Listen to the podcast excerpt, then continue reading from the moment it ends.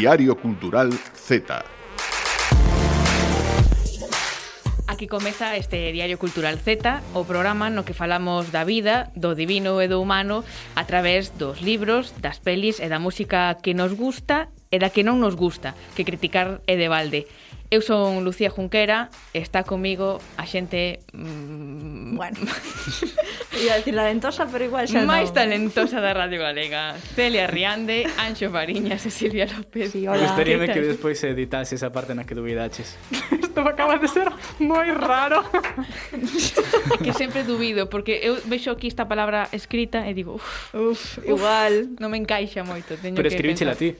Sí, pero pues ao principio está, de todo, sabes? A primeira escribina, intención, iso é o que conta. Escribir no primeiro programa xa foi perdendo vixencia esta palabra. Eh, nada, outro diario cultural. que eh, ataques moi gratuitos. é que eu veño aquí Imos ao que imos a... Bueno, iba a decir cultura. Imos ao, ao noso. Imos ao, ao noso. O noso. Celia, sabías que é unha persoa con moitísimo encanto? Ti sí que me encantas, guapa. Imos falar de encanto a nova wow, peli de, no de Disney. que, que un rollito un rollito chulo, do estilo un pouco de Coco, pero as comparacións son odiosas, pero vou non facer. Non me gustou tantísimo. Xa está, eso é técnico. Outra cousa que non se podía saber. Non lle encantou. non, non me encantou, non me encantou, irónicamente. Moi ben, moi ben, engadido ese apuntamento. Outro chiste. Anxo, cuestionario Z, a blanco ou a paramera? Eh, non sei quen é quen, a verdade, dos dous, pero... Un se apelida Blanco, ou non? Eso acabo de inventarlo. Creo que inventaches ti. Ah, vale, Eso... vale, vale, perdón.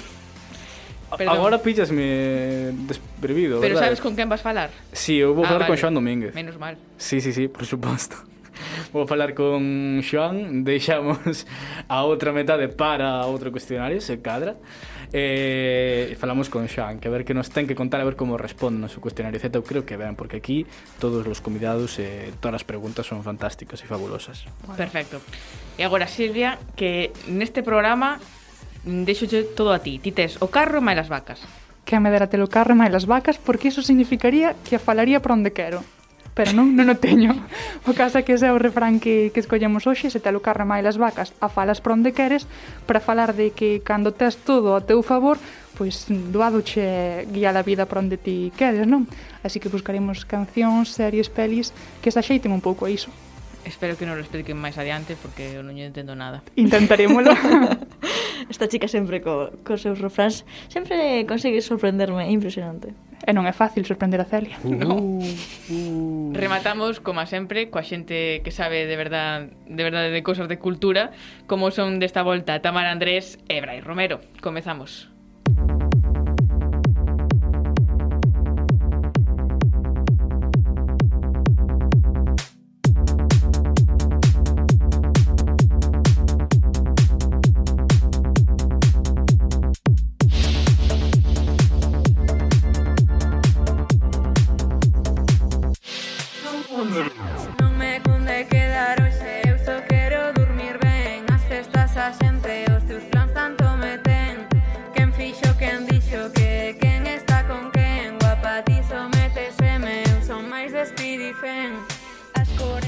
Elas son Cata, Uxía, Sara, Malena e Xiana, ou o que é o mesmo, guiso moeu, porque a esencia do seu proxecto é a colaboración e o traballo en equipo, ou como din elas, gozar do chulo que é compartir cos demais.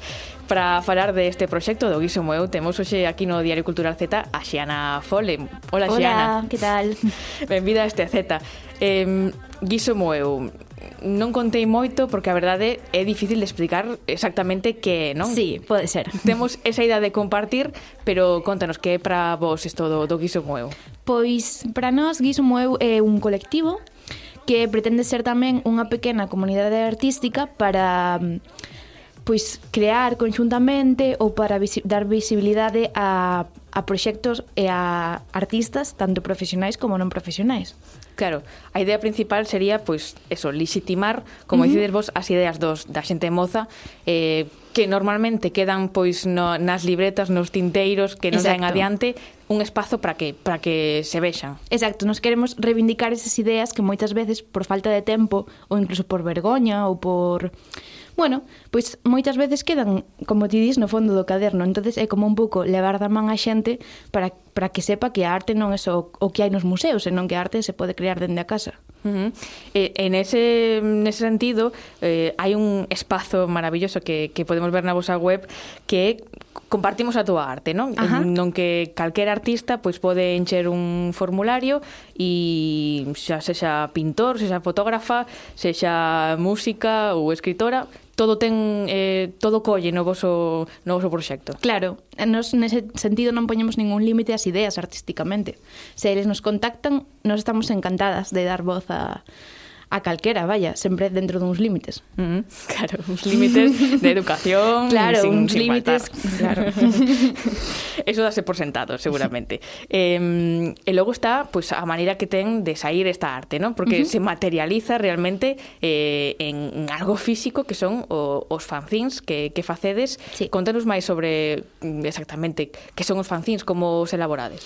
Pois os fanzines é algo que nós queríamos eh, recuperar, bueno, realmente aínda hai moitos fanzines, pero esta idea máis fancineira como de arte reivindicativa, un pouco underground, digamos, onde uh -huh cabe calquera formato e calquera tema.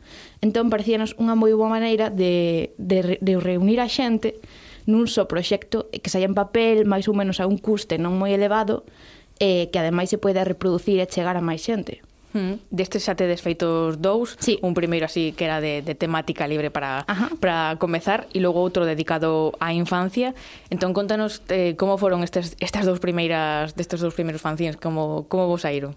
Pois foron proxectos moi distintos, pero a vez mm, moi especiais porque ao mesmo tempo é un proxecto noso, pero tamén é de todas, mm. eh cando a xente manda as súas creacións, ao final vemos que hai moitos temas ou moitas inquedanzas que, que nos obsesionan a todos por igual. Hai como sí. temas que se repiten, pois a precariedade, o amor, as relacións, a amizade. Entón, ao fin e ao cabo, é, eso, a creación colectiva é moi importante e por iso no segundo fanzine decidimos apostar pola, pola creación colectiva. Era un fanzine de veráns da infancia e xuntamos a xente por parellas aleatoriamente. Entón eh, pode que se coñecesen pode que non, nos intentamos que non e tiñan que crear unha peza entre ambos fosen de distintas, aínda que fosen de distintas disciplinas. Aínda que un fose fotógrafo e a outra lle gustase pois a poesía. Entón, eh, así fomentábamos máis a creación colectiva e saíron cousas realmente chulas. Estamos xa grande polo terceiro. Non sei se tedes algo, algunha idea pensada ou prefires non decir nada. Tamén bueno, é válido. está no tinteiro. Agora vamos facer un máis pequeno eh, digital probablemente de cartas de San Valentín que xa, xa se chega. Vale, vale. Sí, sí, eh, para, para época perfecto. Sí. Eh, bueno, entón eh, temos xa esa, os fanzines, cada quen pode colaborar como, como coa súa arte, como Ajá. queira, pero hai xente que non é artista, que non se lle dá moi ben pois nin pintar, nin facer nada, pero quere tamén pois ter acceso ao, ao que facedes, non? Por onde vos podemos seguir ou como podemos tamén logo, non sei se mercar os, os que facedes, os traballos? Bueno, primeiro que realmente eh, seguro que aínda que non sexa artista, seguro que algo ten que facer e non Eu falaba ser... por min, eh, non por ninguén. pero vamos, que todo o mundo ten un lado creativo no fondo. Eh, eh bueno, despois eh podedes atoparnos no noso Instagram, que é arroba guisomeu, porque nos aínda non temos unha unha tenda online en liña nin nada, pero bueno, por o noso Instagram e tamén temos eh, páxina web, temos Twitter, Facebook, TikTok, ou seja, realmente estamos en todas as redes sociais. Uh -huh. E de vez en cando estamos pois nalgún posto, nalgún mercadiño, intentamos non estamos todas en Galiza, entonces intentamos mm, estar, pero é difícil. Sí, sí. Pois, Xiana, moitísimas grazas e que xa agardamos xa esa, ese terceiro fanzín, as cartas de San Valentín, por suposto, por moi pendentes e tamén vos seguimos por, por todas esas redes. Grazas, Xiana. Moitas grazas a ti. Dúbida existencial. Eh, como facer que ver pelis e series no sofá sexan traballo? Hola, Celia Riande, que tal? Hola. Ti sabes que... Bueno, a película de hoxe, Encanto, de. Disney, unha película para público infantil. Espero que a túa recensión vai acorde co tono infantil. Que se xa apta polo menos para claro. público infantil. Eh, sí, eh, sí, eh, perdona, vale. pero eu nunca digo, bueno, é igual. eh, a veces sí. Quero aclarar, mm, como introdución, eu non son adulta Disney, quero decir. Eh, non sei se sabedes o que falo, hai un tipo de adulto que está un pouco atrapado nas películas de Disney. Que, que lle pillou tarde Toy Story sí, 3. Que, que está en ese rollo de ir a, aos parques de atraccións de Disney, e poñerse orelliñas, e levar roupa co, coa cariña de Minnie Mouse. Eu non son ese rollo, o sea, Pero estás criticando a xente que sigue ese rollo. Sí, efectivamente. Eh, o sea, non me, non me escondo. Pensabas que iba a poñer algún eufemismo, no, que iba no. a disimular? No. Eu, eu non penso nada, xa. No, a veces, as veces hai que crecer. Ás veces a maxia, pois, pues, efectivamente, se apaga. Entón, encanto mal. No, no, no. Eu non dixen eso. Peter Pan mal. todo mal. Só digo, os adultos Disney mal. Ben, partindo deste, desta, desta base, eh, que dicir? Mm, a peli gustoume, Quero dicir, a peli objetivamente é boa. Non se pode dicir que sexa mala. Pero sí que é certo que levaba como tanto tempo escoitando dela en redes e tal, eh, e cun hype tan grande, que igual mm, esperaba algo máis desa película. Eh, igual que pasó, mira, isto pasará o mesmo un pouco con Coco, pero Coco sí que me gustou un montón. Entón dixen, bueno, pues esta igual tamén, non sei, Eh, creo que, que está batendo todos os récords que existen entón dixen, pois, pues, ten que ser algo esta tampouco me, me atropou tanto como Coco igual. Contanos de que vai. Vale, A peli vai dunha familia colombiana que vive unha casa máxica. É que aquí xa aquí xa me perden un pouco, porque Maxia? O rollo Disney, da maxia, no. é que o rollo da maxia é que buf, buf, hai que metelo moi ben. En Coco creo que o rollo da fantasía metían moi ben.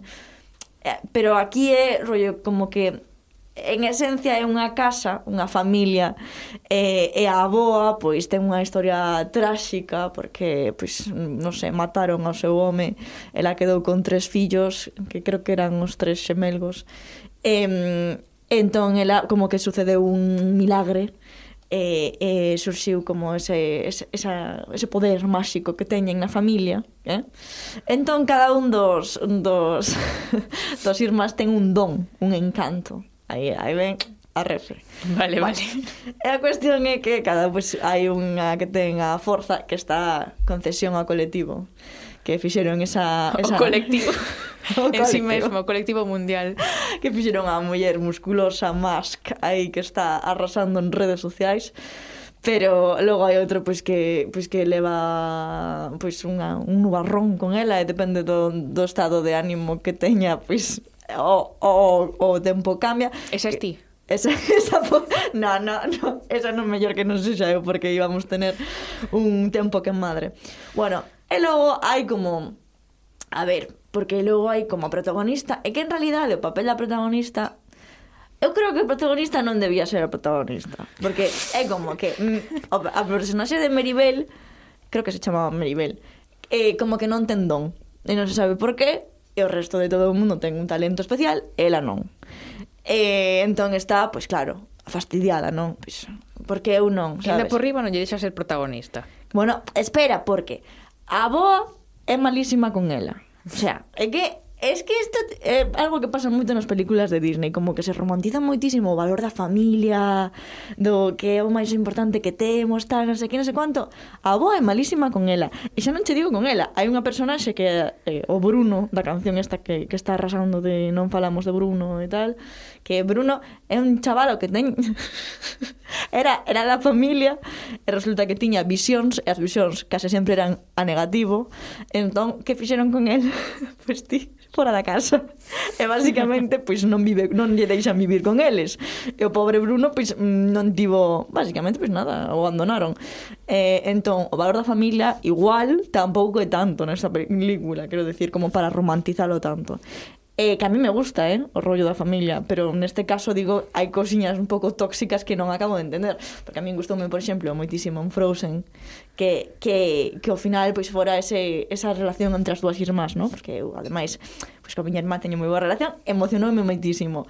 Neste caso non, neste caso non o acabei de comprender, porque ademais é un rollo de que a boa é super dura con ela porque non ten un don e, e ela como que ten un presaxo de que algo vai pasar coa casa, que se vai a esgotar a maxia, de novo, o rollo da maxia que a min, bueno, Eh, entón, a solución... Un mago para Celia, por favor. Buah, que os magos son o peor colectivo que existe tamén. É que, ollo, estamos adultos Disney e logo estamos magos, que son o colectivo máis pesado de homes que existe. Eh, eh, os magos existen? Existen. existen. Vale, vale. Vale.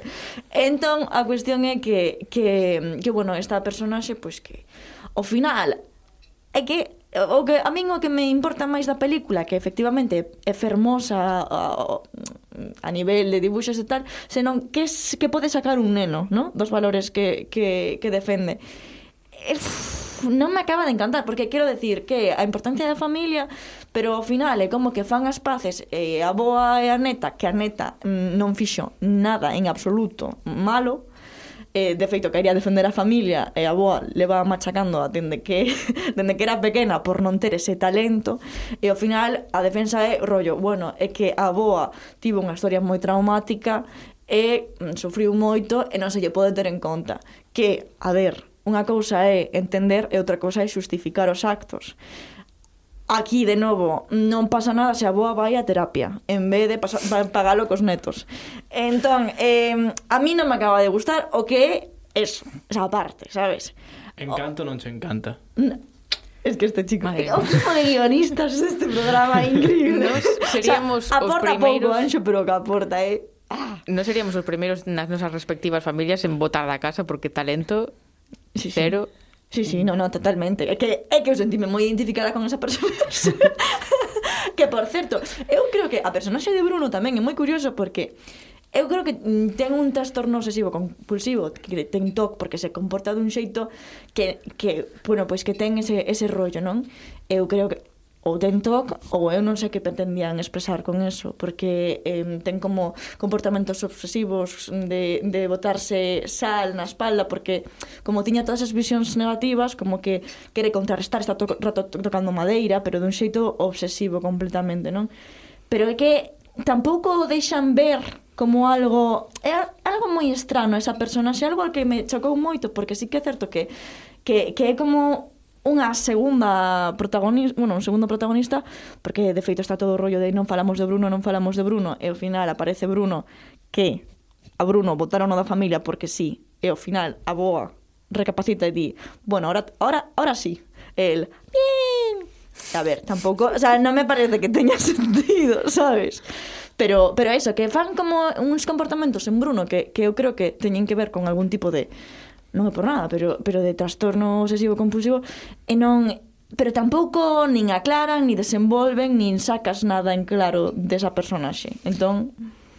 Pois nada. A banda Tocaba... moi chula, eh? A todo isto. A banda sonora chulísima. Grazas, Celia. É que, nada, eh, nos esperábamos hoxe aquí unha película de Disney, esperábamos, eu que sei, luminosidade, eh, que alegría. Eu? as cores moi bonitas, a, as debuxos preciosos. Sí, pero quedou oculto pero... por todo demais. Eu ia vela este fin de semana e xa estou... É que... No, pero podes vela e a, a, é que a maior non estás de acordo. O maior dis, os valores que vende son boísimos, pero eu penso que non. pues pois gracias, Tene. Ata aquí. Bueno, quiero decirte, mi vida, que eres un encanto.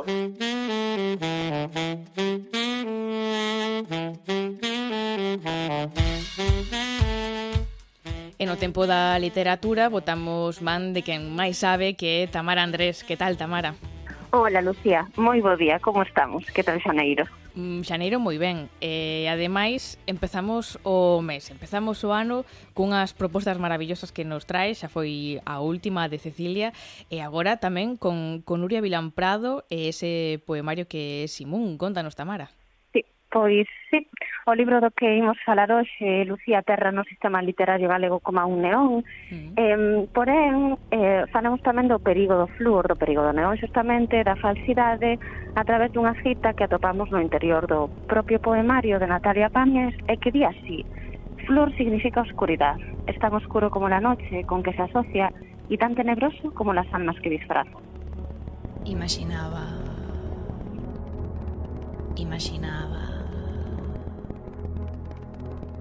Imaginaba conducindo unha furgoneta branca das de pito de pescantina co manubrio da porta esquerda rota e a fiestra sempre medio baixada co arsaljado a darlle no cabelo crecho e escuro levándome polas zonas de acceso restringido do porto pesqueiro de Vigo a ver os barcos descarjar toneladas de xeo na madrugada.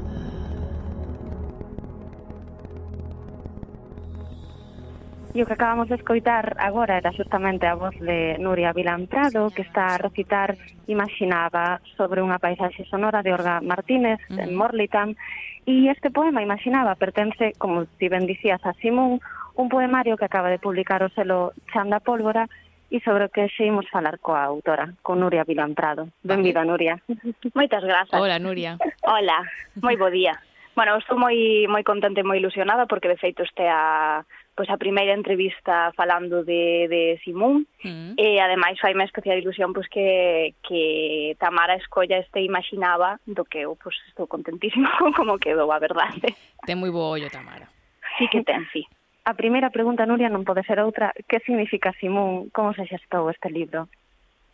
Pois Simón é un nome así un pouco exótico, Simón fai referencia a un vento abrasador que, que sopra nos desertos de Sáhara, Palestina, Jordania, Siria, Arabia e penso que en algún lugar máis que non teño aquí na, na chuletiña sí. e é unha treboada quente e, e abrazadora, bueno, pues, con temperaturas por enriba dos 50 graus, humidade cero.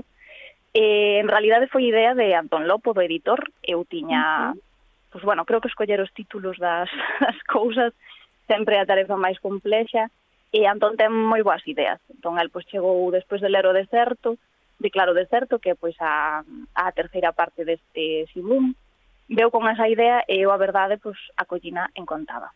Uh -huh. Mm, arredor pois, de, non sei, 2018, pois, el fixome a proposta de publicar un libro, eu a verdade pois nunca tive un obxectivo de publicar un libro escrito, mm. eh pois porque bueno, sempre tiven esa intención oral de bueno, pois de, de que a xente escoitase o que eu tiña que dicir.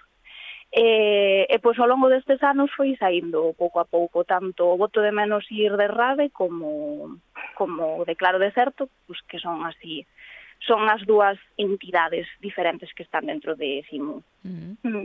Falaches antes da terceira parte, Nuria, de feito este é un poemario que se divide non en tres partes, ben diferenciadas. Non sei se podemos falar máis ben de tres micropoemarios, non? Mm, sí, de feito, sí. Xurdiron como tres poemarios diferentes. O primeiro, a primeira idea pois era eh, facer tres publicacións diferentes e logo pois iso foi mudando un pouco ata chegar a este simu final que compila compila as tres, pois sí, non sei como chamarlle, micropoemarios, partes, micropoemarios penso está ben, porque en realidade non teñen non son unha continuación, a un, unha parte da outra non son continuación, sino, pues, bueno, poden lerse como pues, como entidades separadas e para min de feito son tres universos completamente diferentes. Uh -huh. Imos centrarnos un pouco en cada un deles.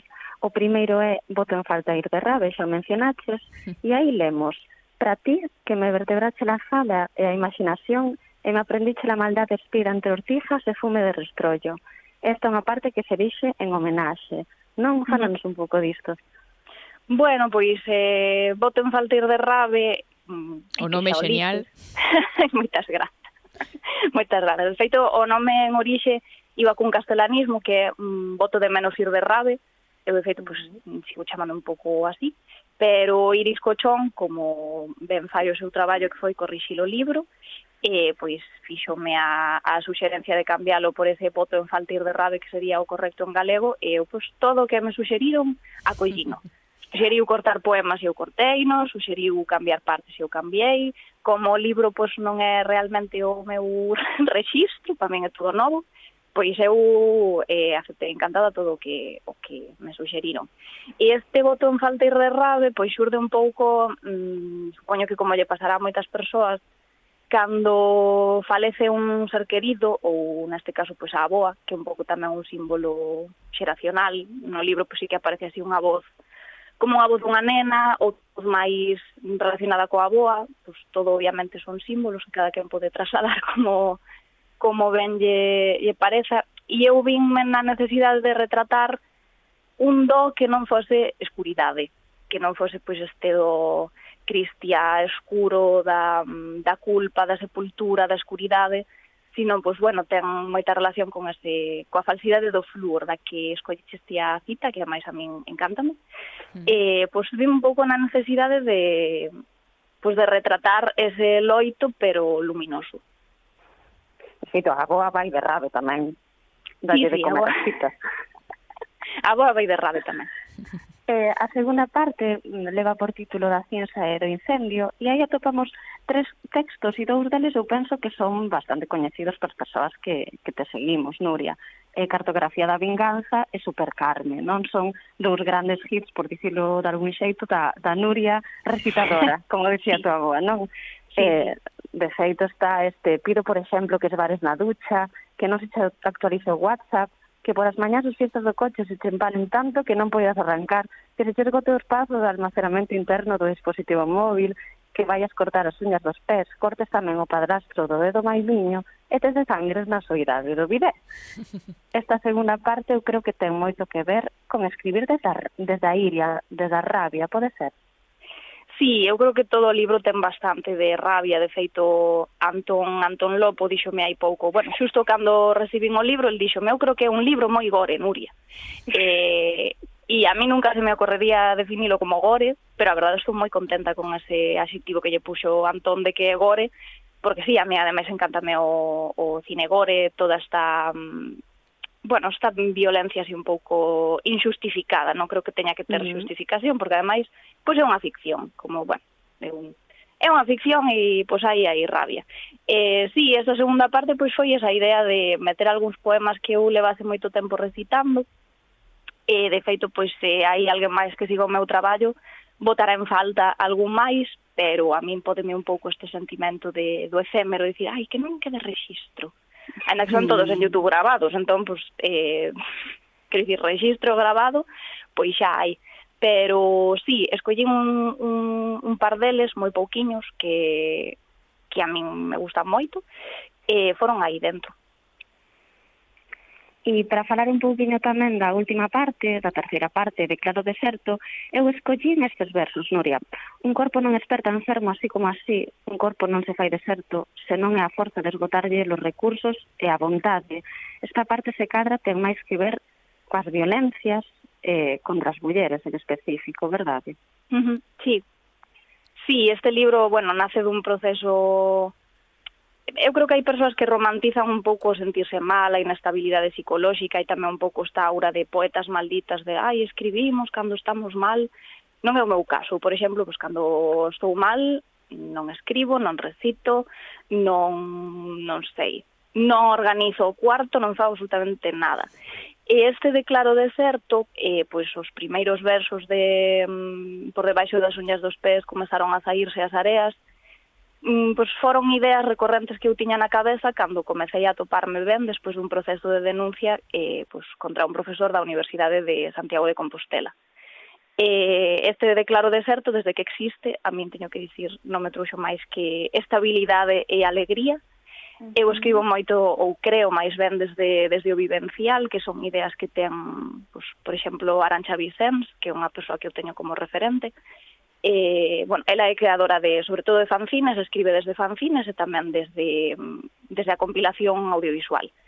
Eh, esta idea, pois, un pouco do vivencial é a idea de crear unha... Mm, de inscribirme a min mesma nun, pois, nunha literatura ou nunha memoria colectiva ou, pois, como lle queiramos chamar, de que non estou soa. Como esta é unha realidade que se repite constantemente, a violencia está aí, a violencia do sistema está aí, e unha violencia pois que ao final temos que ir como sinalando con alfiletes de a isto chamalle por este nome e a isto outro, por este outro. Ten todo, bueno, para min todo o libro un pouco cartográfico de, pois, de rabe, rabe de feito van unhas coordenadas a un a uns lugares físicos que existen, pero neste de claro deserto pois son, é máis unha cartografía mm, pois, da ansiedade. Hai uns versos que están moi superpostos os uns por enriba do, dos outros, creo que de feito ler o poemario a miña intención era tamén que que quen estea lendo teña que implicarse, que os um, que non saibas moi ben que está dicindo o verso, se non te paras a lelo e dis, bueno, pois pues aquí podo colocar unha coma, aquí podo colocar un punto, aquí respiro, aquí non. E, e ten que ver moito con este simón abrazador de quedarte sen, pues, sen oxígeno. Uh -huh. E, e pois sí, eso, o deserto era iso, é un, un transo pois, que seguramente lle sexa familiar a moitas outras persoas, ou non, e aínda que non lle sexa familiar, pois a sensación abafante de estar aí de todos xeitos, pero para min foi liberador, na verdade. Uh -huh. Eh, para rematar, Nuria, queremos que nos digas un, un título que nos recomendes, que nos recomendes un libro. Pois mira, como son recomendacións moi breves, escollín dous. E un é o 19 poemas para un virus 19 de Nevarros que editou no, pois mira, creo que no 2020, non estou segura. Autoeditou unha eh, bueno, autoeditou no eh, Nevarros e o outro chamase eh, Coñecemento do medo de Branca Trigo, que tamén está autoeditado por unha pois por unha editora que ela mesma xestiona e que é Edicións Malafera. E os dous son libros, a min pareceronme moi curiosos e, e bueno, creo que a calquera persoa que se achegue a eles vai a topar Bueno, vai a topar cousas moi curiosas. No de nevan por un lado máis de destrozar a gramática eh, cis imposta, eh, no, de, no de branca van máis por un xogo de palabras e dese, pois, dese coñecemento do medo. Mm. A verdade é que estamos facendo unha listaxe de recomendacións no coas, coas no Z deste nesta colaboración de Tamara, que, que temos que botar man dela continuamente para para seguir aprendendo. Ben xeitosa, sí, sí, ben xeitosa. eh, e nada, pois pues agora xa estamos eh, máis que listas para deixarnos abrazar por ese Simón. Eh, Nuria, un auténtico placer terte aquí neste Z é un, un prazer para min estar con vos. Bueno, houve unha cousa que non mencionai así mínima de Rabe e que me parece importante, sí. que que escribindo ese libro de cateme pois, de que o galego que teño máis próximo a min é o que, pois, o que se representa con Ceceo e Geada, Este, mm, obviamente, pois, pues, como facer un novo cambio lingüístico na miña vida e quitarme de enriba moitos prexuizos, pero, bueno, nos recitais, pois, xa comezou. Entón, Cando consiga quitar de enriba o resto de prexuizos, pois pois aí iremos. Que os leve o Simón para outra parte. Sí, sí, os totalmente. Prexuizos. Grazas, Nuria, e moitas grazas tamén, Tamara. Unha aperta. Se puiderades preguntarlle calquera cousa a un famoso, que preguntaríades?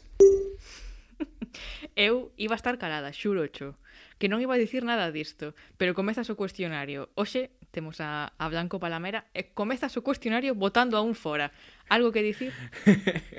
non teño defensa posible, máis que eh, como as miñas dotes para a produción son un tanto precarias, pois xa que falo cos dous, un nunha entrevista e outro noutra xa... Como aproveitas? É fantástico isto. Pois o certo é que Xoan tiño o seu compañeiro, pero vais a ter que enfrontar este cuestionario. el só. sentimos, xo, Xoan. A ver, a ver, non me compliquedes moito. Non, non, non, xa momento aquí a Manu continuará, a verá, vale, xa, xa, xa verá outra oportunidade. Di que sí. E entraremos comezar entón a entrevista, bueno, a entrevista, este cuestionario que é moito chamar de entrevista a isto. A Xoan Domínguez, eh, metade de, de Blanco Palamera, moi boa, Xoan, que inda... falamos pero non saudamos, vamos a un pouco así. Que tal? Os días. Hola. Esta entrevista ten preguntas así un tanto non difíciles, pero irreverentes. E a min gustame que o ton o xente o anterior entrevistado porque así as culpas nunca recaen todas en min. O último entrevistado foi Dani Corners e eh, deixou unha pregunta bastante interesante, a verdade, así que se che parece, comezamos o cuestionario con esa pregunta, vale? Veña.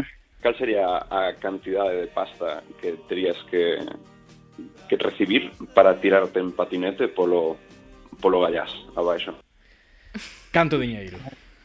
Eh, eu tirome gratis, así que o que me ofrezan. Pero É que isto tamén lle preguntei ao a Dani porque a mí tamén me pareceu atractiva a idea de tirarse, pero non había nada de seguridade abaixo, nin colchonetas, nin nada, quero dicir. O río.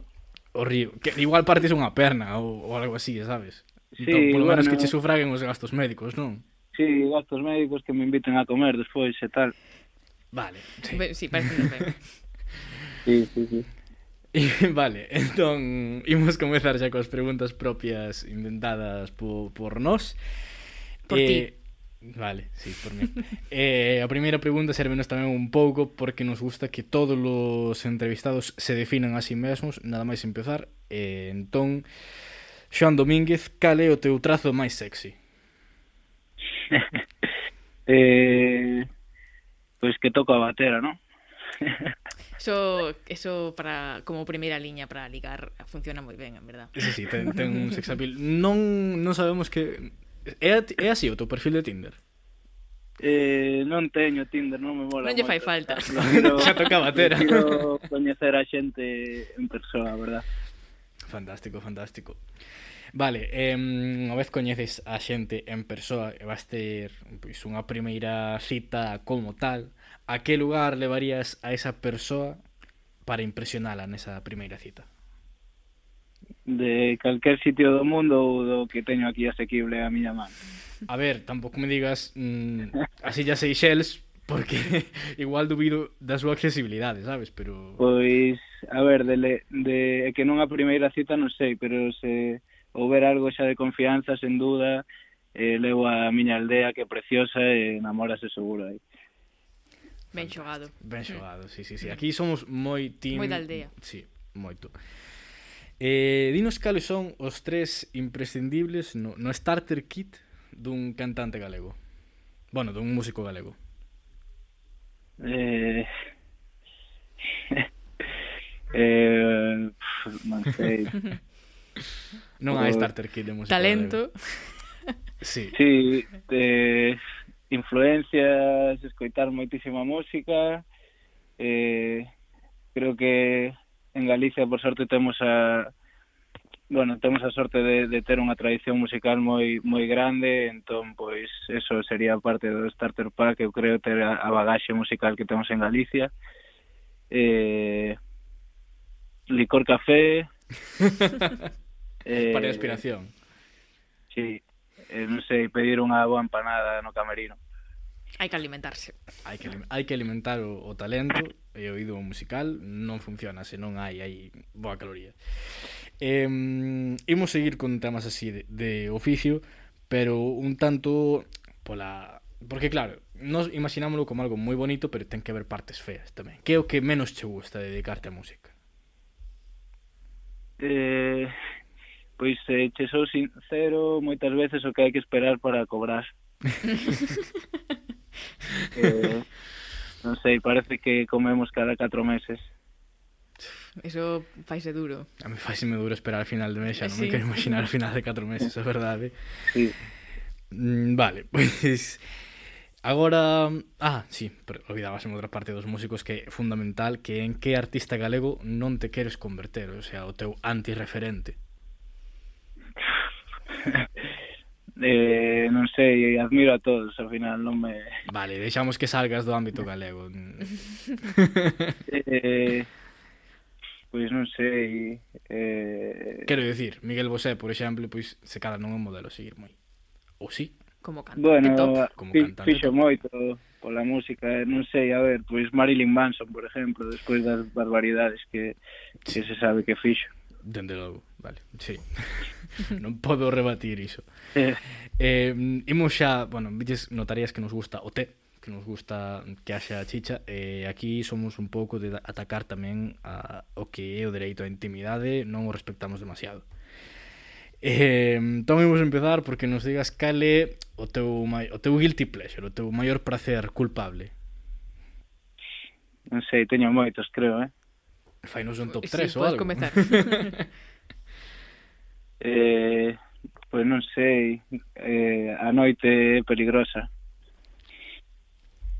Vale, iso gustame porque me leva a recuperar unha pregunta que borrara porque xa era a resposta sempre igual que é onde te podemos atopar un, eu que sei, xoves, benres, sábado ás 5 ou 6 da mañá. en Santiago, onde, bueno, eh, non sei se en Santiago, se agora estades en Madrid, non sei onde andades, pero... Sí, pois por aquí, pois non sei eh, onde cadre, vou che dicir, porque depende un pouco do, do plan. Polo menos xa non é na cama, que claro. era a resposta que nos estaba saindo últimamente. A resposta por defecto estaba sendo dormindo, entón... Pois, Xente ah. aburridísima. que, quero dicir, se me dis dormindo, pero nas escaleiras de ruta... Bueno, esto tampouco é todos os días, eh, que si no... bueno, pero de vez en cando, de vez en cando. Mm, vale. Cal dirías ti que é o maior ridículo que cometiches na túa vida? Non sei, algún festival no colegio seguro que fixemos aí bastante ridículo. Non recordo así especialmente ningún momento como que que teña como moita vergonza del, pero seguramente se, se miro para atrás algún festival de colegio e o vexo agora, pois pues, haríamos bastante ridículo, seguro. Hmm. Pero todo se remonta atrás. ¿eh? Isto de ter xente que, que sabe manter a compostura facíanos falta tamén. E que eu tamén saco, sí, como saco os VHS, aí hai moito material. Eh, que non queres que saiba túa nai nunca da túa vida? Conto yo todo a miña nai. eh, das persoas nas que máis confío, así que Ahora, cando era chaval, pois seguramente os pitillos, pero bueno, ahora como xa non fumo, pois xa non lle teño que ocultar nada. Mm, vale, genial. A verdade é que admiro moito esas relacións sinceras, sí. honestamente. Xa, é, é outra tiveramos aquí no, no cuestionario, parece fantástico. Eh, que estarías disposto a facer por un contrato ou algo, quero dicir, unha millonada que che aseguren firmando para que che digan vas gañar na música cartos para esta vida e para 12 vidas máis. Pois eh, a verdade espero que eso sexa facendo a miña música e, e nada máis. Eh, o meu arte para fora e non ter que, que pasar por ningún aro. Canta principios, decencia, principios de firmes e que mantén a compostura, ten principios firmes en Joan Domínguez demos en, en Oso Duro, eh? Hmm. E agora ven a pregunta estrela que mm, é a que máis fai dubidar, pero últimamente tamén estamos recibindo unha, unha resposta tipo pero define moito máis a nós que, que a ti, a verdade, pero a pregunta é fundamental. Con que banda sonora ti veches a túa primeira vez? Sabes que pasa, tío, que eu non podo escoitar música, tío, porque vais a cabeza. É que se lle pos música xa só pensa no traballo e en... Aquí, empeza, ¿sabes? empeza a tocar a batería no aire. Claro. Moitas veces eh, salen colegas, entón como que... sí, torna un pouco turbio, non? De repente... Tres ou multitudes. Estar mansa ahora sí, que parece a voz bueno, dun colega, despista. Seguramente daquelas escoitaría Tame Impala ou algo así. Teme Impala a suxerencia que me extraña que non saíse xa nesta pregunta, a verdade, aplaudo isto. Eh, vale, agora xa para finalizar xa viches un pouco o ton no que, no que facemos as preguntas mm, amable, serio. Serio eh, Serio, serísimo.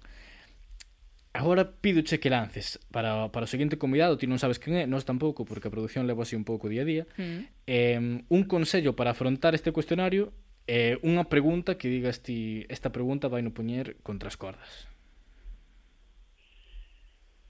Eh, a ver non sei eh, onde xa que me falaches antes da miña nai onde o sitio onde menos che gustaría toparte ca tua nai? Moi boa pregunta unha variante con máis pode ter máis té incluso. Sí, ah, sí, ah, é que eu que fago entrevistas para que a xente me ensine a facer entrevistas, é, é, é increíble isto. Pois pois con esta gran pregunta que deixaremos para o seguinte convidado quedamos porque nós nunca imos responder estas cousas. Moitísimas grazas Joan Domínguez de Blanco Palamera Que lembremos, aí o 11 de febreiro vai quedar o novo disco Estaremos pendientes de, de escoitalo E moitísimas grazas por, por atender a este cuestionario yeah. particular Joan. Grazas Joan Nada, vos Canta verte sudar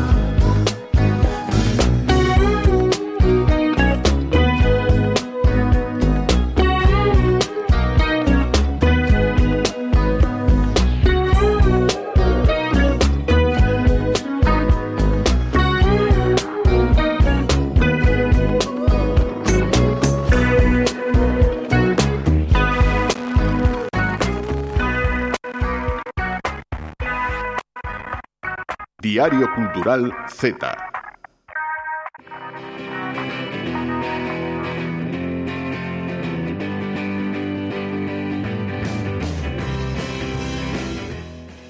A ver, vos, que vos credes moi modernos. Iso xa o dicían os vosos avós hai 60 anos. Ola, Silvia López López. Que tal, Lucía? Eu agora retírome deixo este micro, deixo todo, porque a, as vacas, e o carro, todo uh -huh. para ti, todo che pertence a ti. Claro, xa me esperaba algo así. En canto vin a túa cara de Abraio, bueno, é de Celia e de Anxo, cando dixen o, o dito que traía hoxe, bueno... É outro deses ditos que eu non sei reproducir. Pero aí vamos. O dito é, se tes o carro, mailas vacas, a falas pra onde queres. Imos ir por partes, Estou porque... tan perdida. No, a ver, é que se tens o carro máis para casa, falas para onde queres, é dicir, se tes todo a teu favor, se tes todo o que necesitas, pois podes actuar da maneira que queiras ou que mellor che conveña, non? Faiche falta, pois, influencia, poder, diñeiro, aí serían o carro, as vacas, entón xa podes ir guiando para onde ti queres chegar, non? Ves porque non, non teño nin idea do refrán? Porque eu non teño nin carro, nin vacas, nin teño nada. Estás supoñendo que eu sí? Home, Castroverde vacas, sí, vacas hai. bueno, a min, en primeiro lugar, a min este dito non me leva a outro sitio máis co de pensar nesa xente, nesas persoas as que xa lles ven dado o carro, as que xa lles ven dado o, vai, o gando as vacas, entón claro, resulta lles doado a falar por onde queren e ter un éxito tremendo. Imos falar de meritocracia. E xa falamos aquí, pero nunca é suficiente. Iso só como apuntamento hoxe. Pero o que sí que está implícito tamén neste refrán para min é que eso, o carro e máis as vacas veñen a ser os cartos, a influencia, o poder. Con todo iso, María levas a, a falar por onde queres, non? Entón, puxenme a pensar que series, que pelis ou que cancións podían falar diso e pareceume que como o máximo exponente deste dito popular podría ser a, a serie de House of Cards, que eu, creo que xa falamos aquí nalgúna ocasión no meu dito. Pode ser que nesa da meritocracia, mm, non pode, pode non ser, diría sí. que non. bueno, pero aquí tamén ven a conto porque os protas Frank e Claire Underwood pois digamos que van labrando o camiño xa pensando a onde queren chegar, é dicir, para onde queren a falar, entón, pois, mm, van buscando máis e máis influencia a nivel político para logo poder gobernar a súa vida ao xeito que lles interesa, non? Segundo lles convén en función dos seus intereses. Digamos que manexan os fíos do poder. Entón, aí están o carro, que podría ser ese poder que van conseguindo, uh -huh. e máis as vacas, os apoios que se van buscando, pero tamén, mm, digamos, ese oco mediático que se procuran para desestabilizar os rivais políticos. Teñen o carro, teñen as vacas, entón claro. Mm. Pois, e se levan por diante a collita de patacas, a de berzas e todo, pois pues, tanto lles ten. Gústame que volvas falar de berzas, Lucía. que me quedou do, do programa pasado quedaron moi as verzas rumiando na cabeza. Eh. Normal, normal. Na cabeza, bueno, rumiase no estómago. Es, por favor, sigue. bueno, eso, que de unha vez teñen os, o carro máis as vacas, pois pues, a falan por onde queren e, e chegan onde se proponen. E isto é extrapolable, eu creo, a, a case mm, todas as series así de tintes políticos, no? Ao final vai diso de influencia de cartos, non sei se che ocorre algunha que vaya por ese Vou camiño. falar como se soubera, pero sí. eh, sei que Succession vai un pouco diso. Só vi un capítulo, así que non, non son experta ni nada, pero que conta xente que son pois esta familia super rica que ten que controla eh, pois unha empresa mediática e que pois por lograr o, o que vai adiante a súa empresa, pois dalles igual Mm, o que haxa por sexa. diante. Claro, ese sí que teñen, patacas, eses ¿no? teñen vacas, bueno, para sobran as vacas. Estabuladas ou non estabuladas? Que? Isto tamén é a ter en conta. Eh? Que significa iso? nada, isto xa son desvaríos desvaríos meus. Anxo tamén apuntou antes unha serie que eu non vin, por certo, non vou falar dela porque non teño moita idea, pero Podes dixo... falar dela sin ter idea, eh? é o que facemos aquí sempre. Que fago de Celia ui, ui, ui, menos mal que, que non, non escoite. no, el dixo que Little Fire Everywhere Non tiña ni idea do eu que tampouco, é. Eu tampouco, non a coñezo, pero el dixo que podría ir por aí, así que Queda a aí deixo a mención. Bueno, en calquera caso, dicíamos que ao final este dito vai, pois iso, moito de cartos. Os cartos son o carro, son as vacas que necesitamos tantas veces para encamiñarnos a, a onde queremos ou onde precisamos. E iso sabe tamén, por exemplo, Rosalía. Ah. La Rosalía. Uh, que jo sé que nascut per ser milionària. Com si plogués llançant els bitllets pels aires. Un dia per Mumbai i el següent a Malta. Sempre ben escoltada, prova de bala. El que voldria és tenir un Bentley de color blanc i un de color verd. Però tot això sé que no ho puc fer fins al dia que tingui molts diners. El que voldria és tenir fucking money, man. Només vull veure bitllets de 100. Fucking money, man. Signar del dòlar dintre la ment. Fucking money, man. Només vull veure bitllets de 100. Fucking money, man. Naceu para ser millonaria e facer 100 cousas, mercar mil máis, pero claro, falta o carro e faltan as vacas. Que lle vai faltar a Rosalía? Claro, na canción, na vida xa non creo que lle falte tanto. É moi fácil tanto. cantar, Rosalía. Bueno, non é fácil, quer dizer, é moi fácil cantar que non tes vacas, pero ten, ten, ten. Habrá por aí algunha leira onde estea, ou algunha cuadra. Sí, sí, sí, uh seguro. Non ves que oh, por onde anda? Non... Fixo agora unha canción Bueno, sacou 15 segundos dunha canción ¿Sí? que non sabemos de que vai, pero parece que é bastante horroroso esos 15 segundos. Pero claro, é Rosalía ten, ten carros e ten vacas. Que importa? Que máis dá? Total. claro, pero é que así todo tampouco nos vamos a enganar, porque por moito que haxa eses cartos, ese carro, esas vacas, tampouco iso é mau de santo para a falar para onde queremos, a ver ata que punto chega iso. No caso de Rosalía, ao mellor non ten problema, eh? máis ben, seguro que non o vai ter. Mm. Pero bueno, aquí imos lle dar unha volta ao refrán Porque claro, de toda a vida se sabe que hai vacas que tamén se escapan por moito que lles vayas afalando por onde ti queiras. Vacas que son así menos mansas, máis libres segundo se mire. Entón, nese caso, para que che serve todo iso? Igual necesitas algo máis, non? Porque, por exemplo, saber manexar o carro, pois igual era interesante. Ou que é o mesmo? Para que che serve o diñeiro se non sabes usalo? No, si tú non sabes usalo, si non sabes usalo, si no sabes usarlo, ¿para qué quieres el dinero si no sabes usarlo? Si tú no sabes usarlo, si no sabes usarlo, ¿para qué quieres el dinero si tú no sabes usarlo? Bueno, Lucía Estera de la Fuente, nos saliu unha risa. No, no que va. medio. No, é que me está, claro, estás vivindo cuns personajes eh, sí. que non son, digamos, non están ao noso nivel de mm, social nin nada. Ah, a bufa que non. A xente que fala de cartos desa maneira está noutro, noutras ligas. Claro. Quedannos máis próximas a, a as que vou traer agora, que son as tanxugueiras que veñen a dicir unha cousa parecida, que non chega con ter diñeiro, con estar podre de cartos, que algo máis fará falta, senón a rodilla te rogalo. Ah,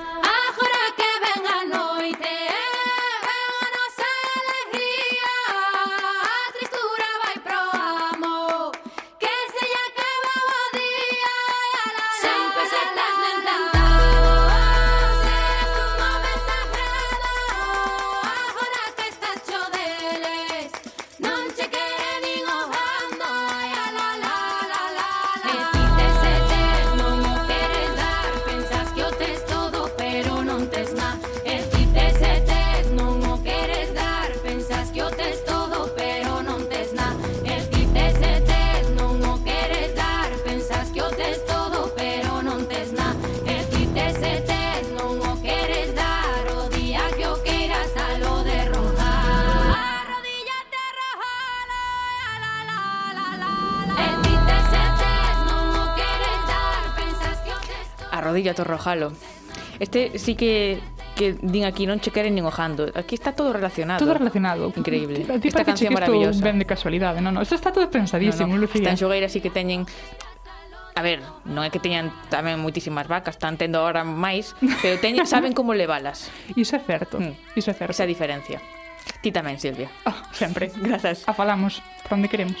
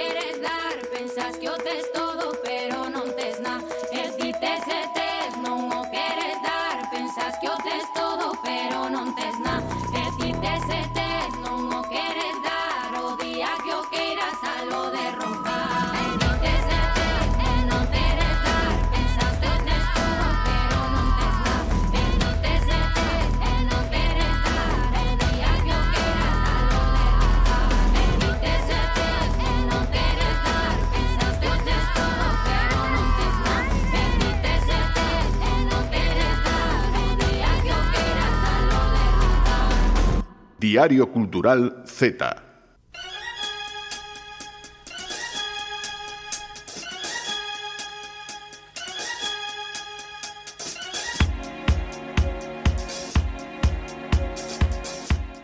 Os mundos curiosos dos cineastas galegos que non coñece ninguén tan ben como Brais Romero. Hola, Brais, que tal?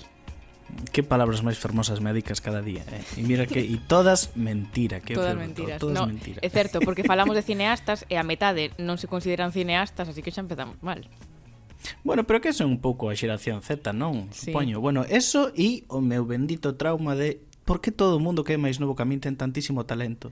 Que sí. pasou? Por que, por que o talento me deixou aí esquecido? Está pasando algo, está pasando algo, sí, sí. Eh, hoxe, un talento máis novo que a ti, máis novo que a min, eh, non sabemos se se considera cineasta ou non, pero imos falar de Belén Piume, eh, imos presentala un pouco, non? Belén Piume, pois, naceu na Coruña, no 98, novísima, eh, graduada eh, Premio Extraordinario de Comunicación Audiovisual pola USC e actualmente cursa o máster MPXA na modalidade de produción executiva palabra xa que non, non conocemos.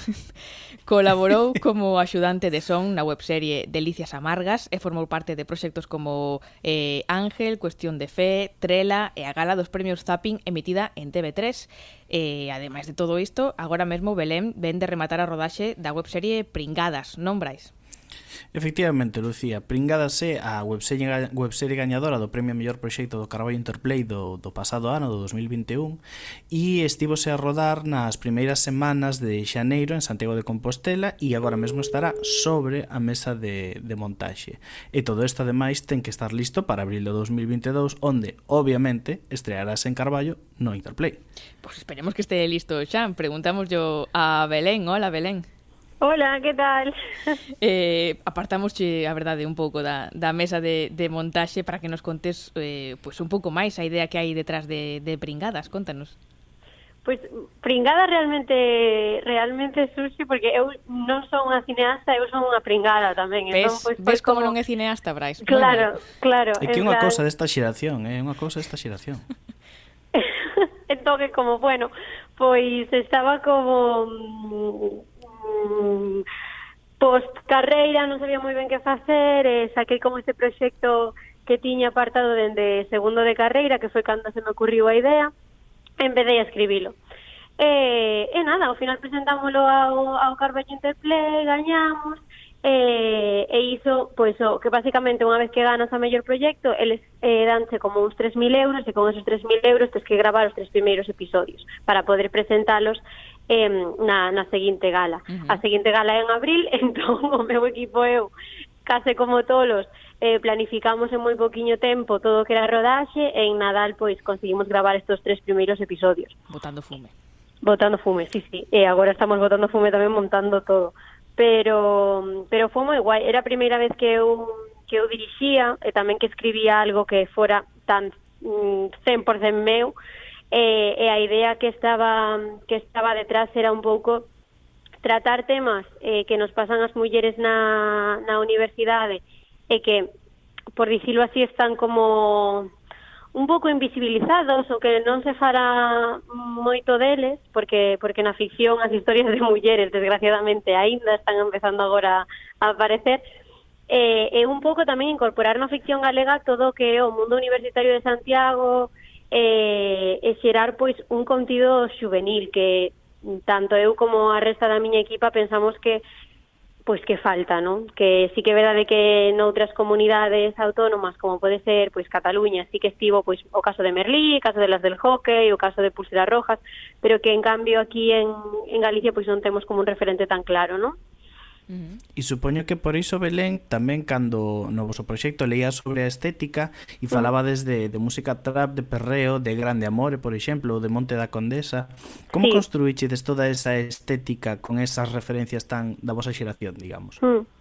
Sí, o sea, eu basicamente, o sea, entrei na, na miña playlist de, de, de Santiago que escoitaba de unha carreira e empecé a sacar Dalá. Entón, eu tamén son moi seguidora de pois de Prado Rúa, de todo de todo Malva, eh, e logo despois de, de Sleepy Spice, de Grande Amor e máis no ámbito musical, eh, e cre, claro, a mí flipábame como todo todo iso estaba pois crecendo no, no, no ámbito das redes sociais, no ámbito pois, de Spotify, de TikTok, de Instagram, e que en cambio na ficción non estaban presentes. E entonces pois falei, falei eu con eles e, eh, e eh, un pouco fun incorporando todo iso que estaba emerxendo na parte das redes dentro da miña ficción polo que mm, ao final son historias que tamén nutrense coas, co, cunha banda sonora que está composta por este tipo de artistas e cuns cameos que nos que pois nos que podemos ver tamén a xente que agora está nesta pois digamos como nestas novas plataformas, ¿no? Mira, catro referencias e as catro coñezo, así ahora me sinto tan bello, eh? Mira, un claro, ti de que año, ti y... de que ano eres, Brais? Ui, eu son do 90, eu son do 90. Eu, eu xusto coa caída do muro un ano despois, así que imagínate. bueno, eh, outra das cousas que a min Outra das cousas que me gustou moitísimo do vosso proxecto é que Ajá. dadeslle moitísimo peso na historia a aceptación dun mesmo, non? O sea, a, sí. a non intentar que o mundo nos cambie, sino a entender como somos e a aceptalo. Crees que neste sentido hai unha diferencia moi grande entre, pois mira, a miña xeración, por exemplo, e a túa eh, nesta aceptación nas ficcións de falar deste tipo de temas? Creo que eh, o concepto de aceptación é algo que segue costándonos como, como seres humanos e agora incluso na...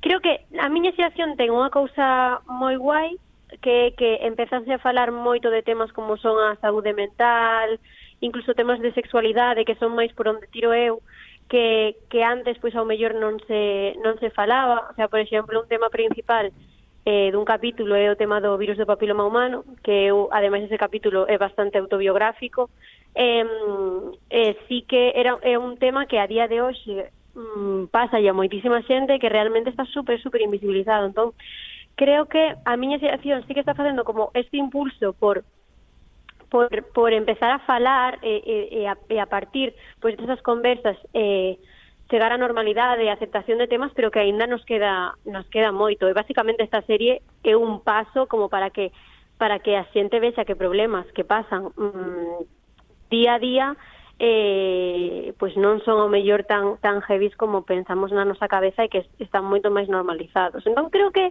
é un é algo que que que, que vai a mellor pero que aínda non está de todo conseguido, a verdade bueno, como todo, o importante é facer o camiño, ir camiñando, non? E claro, mira, sí. eh, falas do, do virus do papiloma, eh, Aldara Pagán, a quen entrevistamos aquí no Z o, o ano pasado, tamén ten unha peza no que fala dese virus, o cual uh -huh. reincide eh, no que a vosa xeración fala destes temas que quizás claro. eh, pues, xeracións anteriores eh, obviaban un pouco máis así por riba.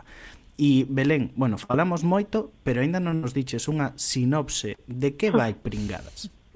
Pois Pringadas eh, é unha serie que trata de tres compañeiras de piso, eh, Xoana, Catu e Antía, e a cada unha deles, delas pasanlle, pasanlle, ah, pasanlle unha cousa eh, específica que van ter que aceptar, non? A unha delas, pois, eh, despois de perder a vecindade co seu mozo, ten que decidir que o quere deixar porque non está namorada, a segunda ten unha pelexa moi forte, unha pelea moi forte con cunhas rapazas da súa residencia, Monte da Condesa, e ten como que aceptar un pouco eh, esa o, o final desa amizade eh, e como pois superar é máis como en vez de sempre se tratan de rupturas amorosas, pois tratar un pouco as rupturas coas amigas e logo por último a terceira que, que trata do, do tema do virus do papiloma humano, de como pois a esta, esta chica se lle dá se lle di que é probable que teña o virus e como un pouco xestiona.